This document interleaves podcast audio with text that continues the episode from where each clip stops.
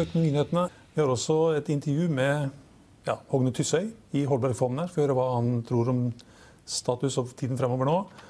Og vi begynner på Oslo Børs. Og der er det Ja, det er litt uspennende, det vil jeg si. Men markedet er opp 1% og det var jo opp over 2 i går. Så alt opp er bra. Og det gjør det jo mer interessant for de som er i markedet. Men det har, det har ikke kommet noen spennende, store ting. Og, og, så vi er opp bra. Og så har vi da oljeprisen. Den ligger og vaker rundt 35 dollar per fat fortsatt for brentoljen. Det har vært litt under og litt opp hele tiden. Det ligger der. Så det er ikke noen store endringer. I... Og det syns vi er kjempebra? Ja, det synes, mange, ja, det, mange synes det er kjempebra. Så, så, og, og, så har vi det som var spenningen nå. Det var egentlig i dag om Oslo Børs skulle følge opp det som skjedde i Europa i går. At I løpet av vår sending i går og utover kvelden så var det kjempeløft på børsene. Altså De europeiske børsene var opp 5-6% Tyskland var opp 6 Det er jo altså, unormalt på en vanlig hverdag. holdt jeg på å si. Og De amerikanske børsene var også, også opp 3-4 Det er kjempehopp der også. Og enkeltaksjer hadde altså hopp på 10-15-20% i selskaper som er vel kjent i markedet, som, som har fått en kjempedytt ned. da. Så, men, også, også, og en enkel forklaring på det, kanskje? Ja, det er en enkel forklaring. Det at da fikk dette, denne, dette selskapet som da kom og sa at de hadde fått positive tester på den der fase 1-greier i forbindelse med covid-19-prosjektet, COVID som mange driver med.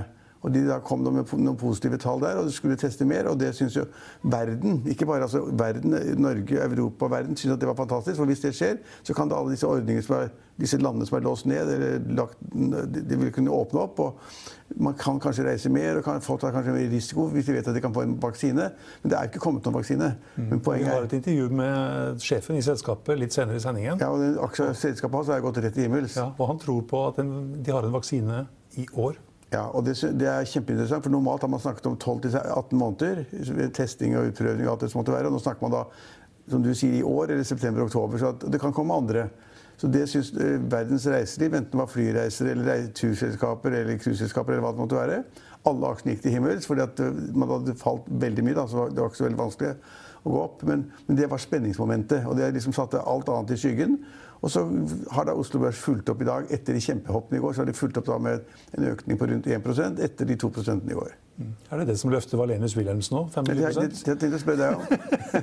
for De skjønner jeg ikke, for de, er jo, de frakter mye biler og greier. Ja. Og, jeg, og de, bilsalget er jo ned i Europa katastrofalt. Og øh, folk kjøper færre biler. og Da må det også være behov for færre bil, altså bilbåter. da til å frakte biler, så det skjønner jeg ikke. Sånn har vært oppover 20 mm. Men du har ikke forklaringen? Nei, Jeg dro på 50 kanskje. ja, jeg har ikke sett at det er noe annet. De tapte jo 3 milliarder i første ja, kvartal. og... Helt håpløst. Ja. Så, så plutselig aksjen opp 20 det, det, skjønner jeg ikke noe av. Jeg tenkte at du skulle gi svaret på det.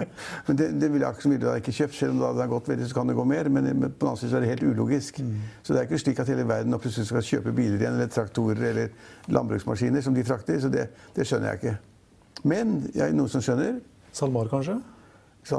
De kommer med veldig gode tall. Den har jo vært opp 5-6-8 i dag.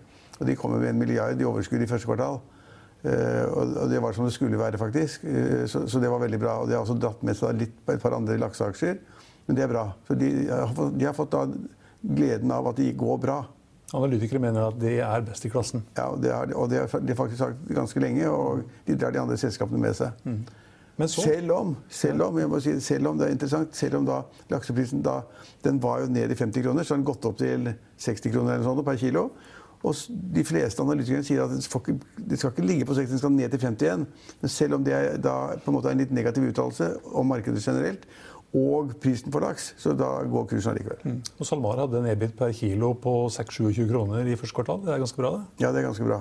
Så, så, ja, altså, men så er det noen som sier det at eh, eksperter at uh, vannet er for kaldt for tiden. Når vannet er kaldt, så vokser ikke laksen så fort. Mm. Morsomme sammenhenger. Derfor vil det bli mindre laks i markedet om en stund, og da vil prisen gå opp, men den skal ned før det. Mm. Men likevel så var det positivt. Så har vi også Norwegian, det bør nevne det. Det har vi snakket om i hver sending i siste år, holdt jeg på å si. Og aksjen var jo ned 20 i dag. Så har den da tatt seg litt opp, og nå er den bare ned 6-7 og nå tredjesaksen for 360 øre eller rundt det. Og Da går den store diskusjonen selvfølgelig da, om hvor langt ned skal Norwegian. Men den går jo da, som vi har sagt, den tikker nedover. Fordi man har hatt emisjon til én kroner. En krone, og det kommer altså da flere milliarder nye aksjer i markedet. Og det er det ikke dekning for i dagens kurs og dagens prising i selskapet.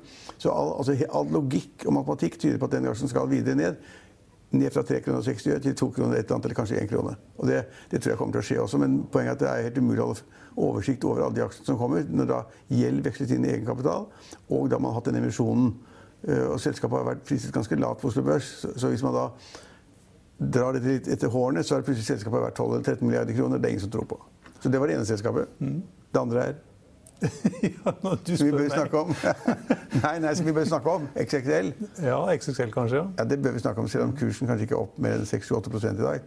Så, så er det en morsom historie i Finansavisen. En ganske lærerik, god historie. for at Selskapet har vært en katastrofal utvikling og har vært nede i nå husker jeg ikke det eksakt, men to-tre kroner eller sånn øh, på det laveste. Og så, og så måtte da gründeren, Tidemann, måtte selge aksjer. eller Man visste ikke hvorfor han solgte det, men han solgte iallfall aksjer for masse penger. Eh, og da solgte han eh, Nå må du korrigere meg underveis, men han solgte da på ni kroner per aksje. Og så har han tegnet nye aksjer i selskapet i en emisjon på fem kroner. Det høres ut som et lett regnestykke. Og han har ifølge Finansavisen da, ved da å selge masse aksjer på ni kroner miste mm, sin store andel i selskapet, gått inn igjen på emisjonen på, på fem kroner. Og hans eierandel, når alt dette er gjort, så har hans eierandel, eierandel falt fra 14 til 12% eller sånt. Og han ble ifølge Finansavisen 106 millioner kroner rikere nå. Basert på den, den runddansen. Ja, Vi var vel inne på det i går òg, at han eh, kommer ut av denne her med eh, kanskje mye bedre enn han hadde trodd. Ja. For en, Eh, Noen hadde trodd, alle trodde han var helt ute av selskapet. Hadde solgt til, til den nye konsernsjefen og sånn. Eh, og Han trodde han måtte selge, fordi var, Ja. eh, han solgte hus og men men hans plan var åpenbart da å selge for penger. Hadde ikke nok penger, likvider. Og bruke pengene han fikk inn, til å tegne aksjer i emisjonen. Og Det er litt avhengig av det er hvor mye han fikk tegne og hvor mange aksjer han får. Men i alle fall Finansavisen mener at han har tjent 106 millioner på det. Det tror, jeg, det tror jeg er riktig, og det er en ganske god sak. ja, Om det er 90 eller 100 eller 106, det spiller vel egentlig ikke så stor rolle. Det er bra. Det er bra gjort uansett. Um, nei, Vi kan vel ta innom det. Det har skjedd et par ting til. Uh, Skagerrak Energi solgte alle aksjene sine i Fjordkraft. Ja, det er sikkert... Fikk sikkert 10 rabatt. Ja, da, ja, Eller de som kjøpte, fikk 10 rabatt. ja, da er kursen falt, da, selvfølgelig. Ja. Ja. Og de casha inn 1,2 milliard. Og aksjen er jo opp eh, til nesten det dobbelte siste året, så de gjorde en ganske bra deal uansett. bra deal, ja, ja. Det er eid 66,7% eller 66,6% av Statkraft. Så de, eh, de gjorde det bra. Um, ja. Det er, eh, Movi er opp 2,2 kanskje litt dra, dra, drahjelp fra SalMar. Ja, det, henger litt sammen, selvfølgelig. For Frontline legger fram eh, tall i morgen. De er opp 5,6% Og der er det venta at eh, de skal ha et eh, driftsresultat på over 200 millioner dollar, er det vel? Det må vel være dollar, ellers er det, Ja, eller, er lite det penger. 200, eller kanskje er det bare 200 millioner kroner? Jeg er ikke sikker. Er det bare 200 millioner kroner, så er det dårlig. Da er det lite. Ja. Nei, ellers Det kom trafikktall fra Avinor i dag, har du sett dem? Nei, det har jeg ikke sett. Det, Ganske, det er ganske interessant, men det er ikke noe overraskende. nei, det var ikke mange som, det var ikke store, det var ikke mange antall passasjerer eller flygninger eller avganger eller takeoff der. altså Det kan jeg ikke tenke meg. I forrige uke så var det 4400 ut av Gardermoen. Sammenlignet med fjor. Ja, Det er ned 90 Ja, 95 90, 90-95% ja. Det vet vi jo. Og utenlandstrafikken er ned 99% Ja, og nå så jeg, det var et av de selskapene utenlandske som pleide å gå på Bergen. og så De hadde innstilt alle flyvninger flygninger i sommer.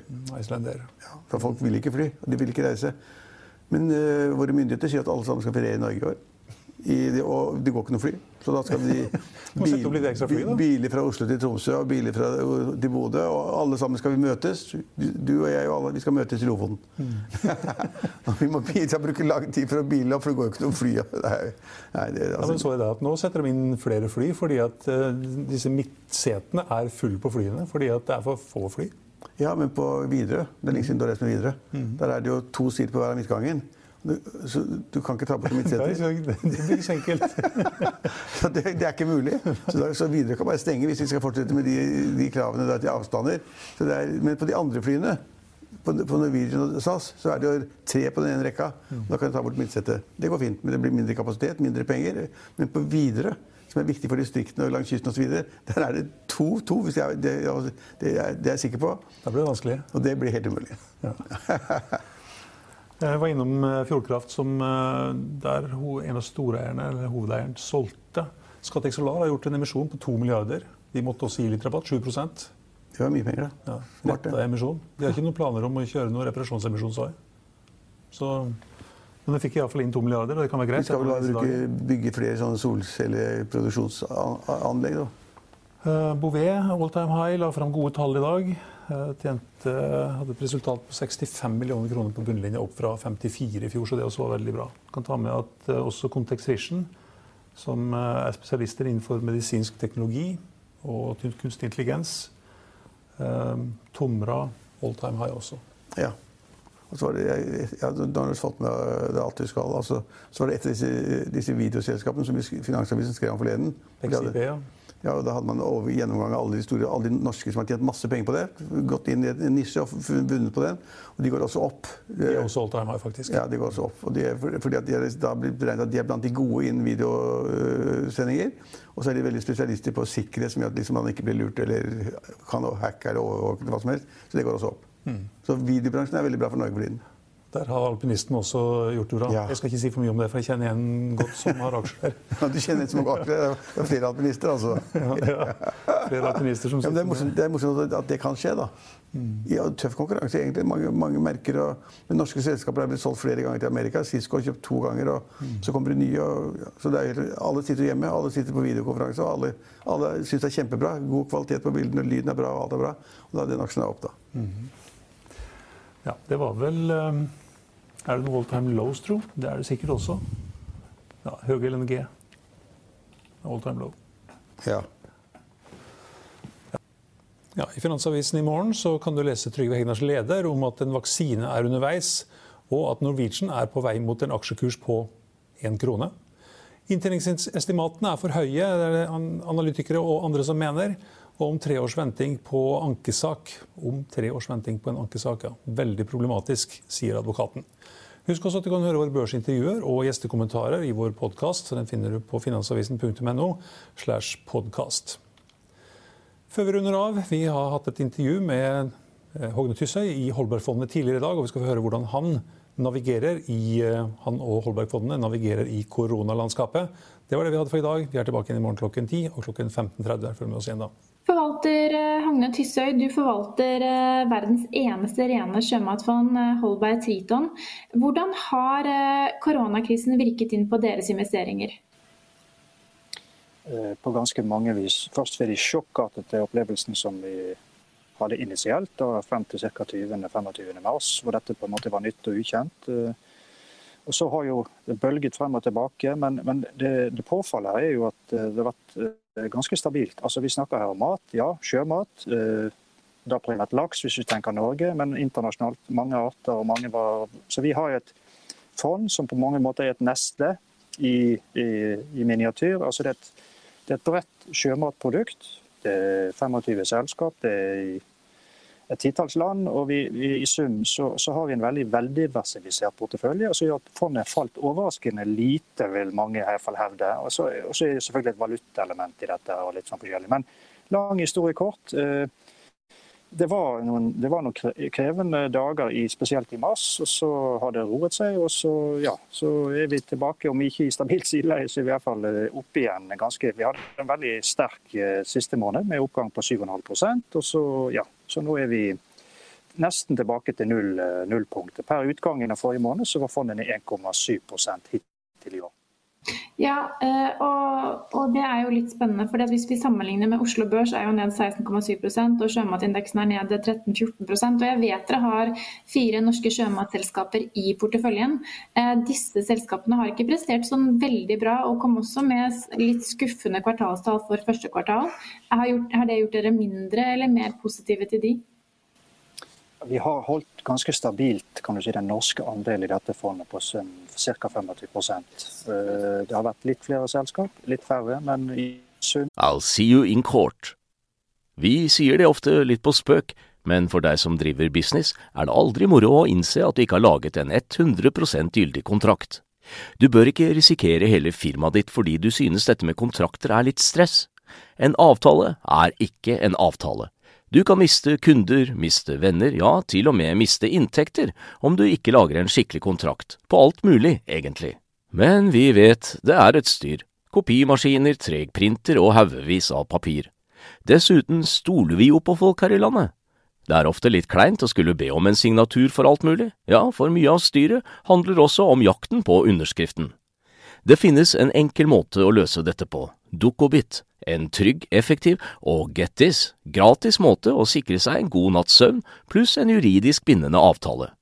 Dukkobit-appen har de strengeste sikkerhetskrav i bunn, samt en EU-godkjent og sertifisert teknologi. Framover vil det bli behagelig å spørre du, skal vi skrive under på det, eller? Kom i gang på dukkobit.no.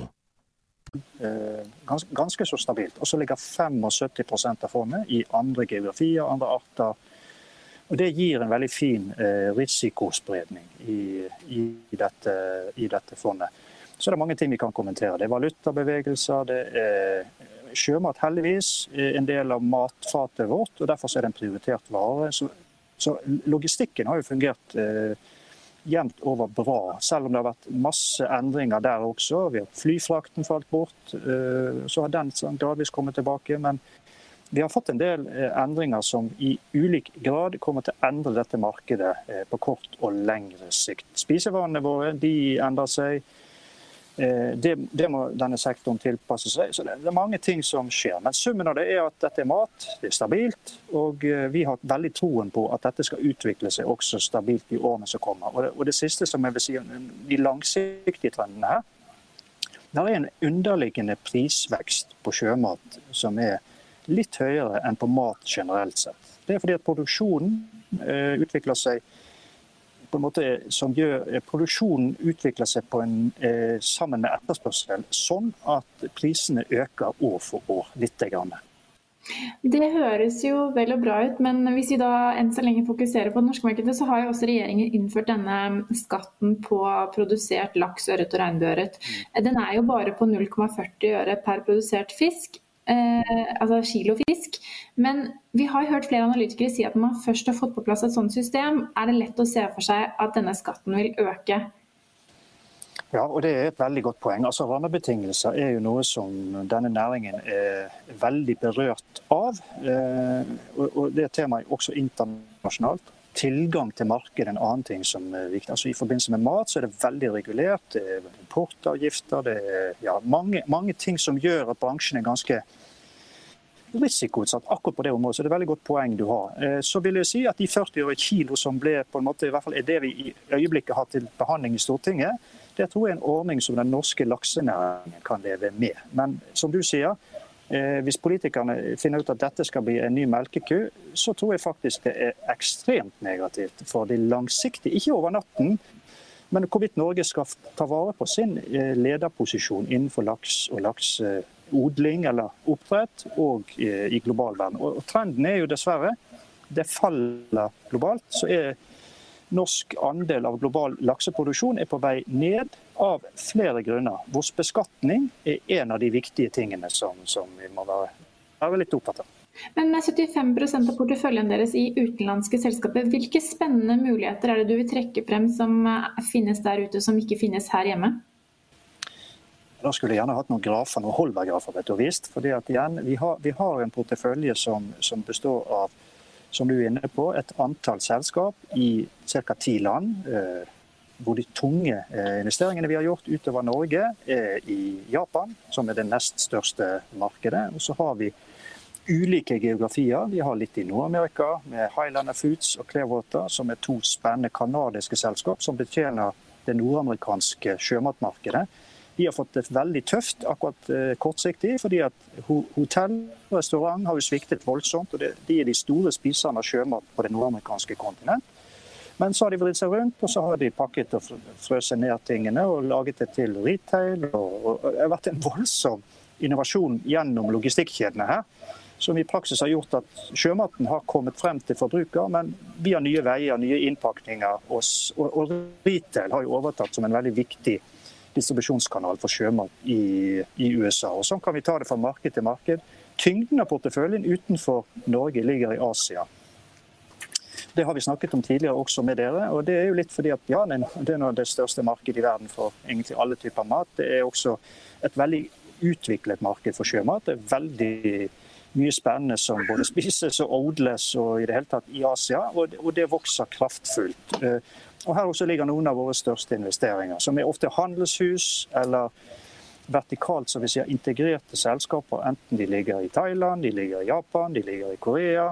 Indonesia, Malaysia. Og, og, og disse selskapene har en veldig fin utvikling og representerer fine kan vi si, diversifiseringsmuligheter for en norsk investor, som, som, som, ja har hatt en fantastisk reise med laks på Oslo Børs. Men vi tror tiden er absolutt moden for å se seg om i verden etter andre investeringsmuligheter. For det er andre arter som kommer til å representere kanskje de nye fremtidige lakseartene i verden. Og Da er det mange. Da kan man gå til Vietnam og se på pangasius, eller man kan gå i det subtropiske beltet og se på tilapia. Man kan se på seabass og seabream i Middelhavet. Sågar tunfisk er jo satt i oppdrett i Japan. Så det er mange arter som kommer opp og frem. Og folks behov for kvalitetsmat det er ikke mindre i dag enn det var i går. Så litt tilbake til koronakrisen. fordi Vi har jo sett at aksjemarkedene har hatt en voldsom oppgang til tross for at vi fikk dette bratte fallet i mars. Men eh, økonomene tror jo ikke at gjeninnhentingen vil skje like raskt som eh, aksjemarkedet selv tror. Eh, hvordan tror du sjømatsektoren vil klare seg gjennom en slik overgang? Vi har jo allerede vært inne på at restauranten, ikke bare i USA, ligger jo brakk. Den næringen har så vidt begynt å åpne opp igjen. Og, og, det har jo også noe med at folk skal føle seg trygge når de er, beveger seg rundt og eventuelt går ut for å spise. Og der er vi ikke helt ennå. Det er veldig gode poenger du har. Og det er mange ting her som nå har skjedd. Altså det ble, dette har vært en break-up call for oss alle. Så kan du si Generelt for markedene så har jo myndighetene reagert, jeg vil nesten si overreagert. Altså Man har kuttet rentene til null, man har pøst på med penger på en måte som ja, vi har ikke sett uh, altså Det er dobbel dose i forhold til finanskrisen i 2008. Og Det kan jo, det har mange effekter ved seg. En av effektene er jo ja, det ble brått og brutalt nedtur. Og så har det sakte, men sikkert begynt en gjeninnhentning. Og aksjemarkedet ligger som ofte forut for realøkonomien. Og så er det stimulert ekstra av disse nullrentene. Så, så, så mange nå at aktører er ute og peker på på generell basis, så er aksjer kanskje kommet litt foran kurven i forhold til hva som skjer underliggende i markedene, og også i sjømat.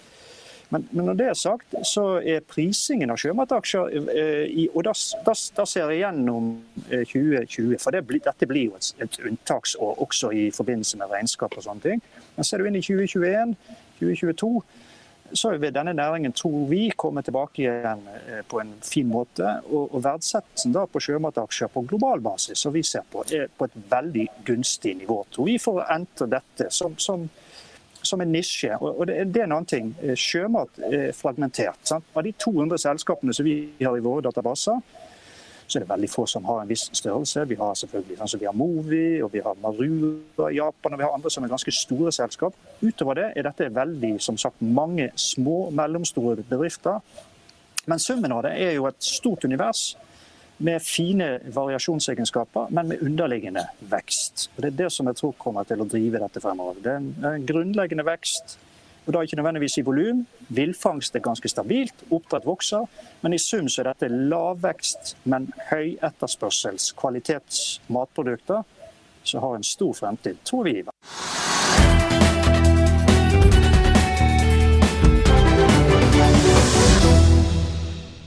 Økonominyhetene er en podkast fra Finansavisen. Programledere er Marius Lorentzen, Stein Ove Haugen og Benedikte Storm Bamvik. Produsenter er Lars Brenden Skram og Bashar Johar. Og ansvarlig redaktør er Trygve Hegnar.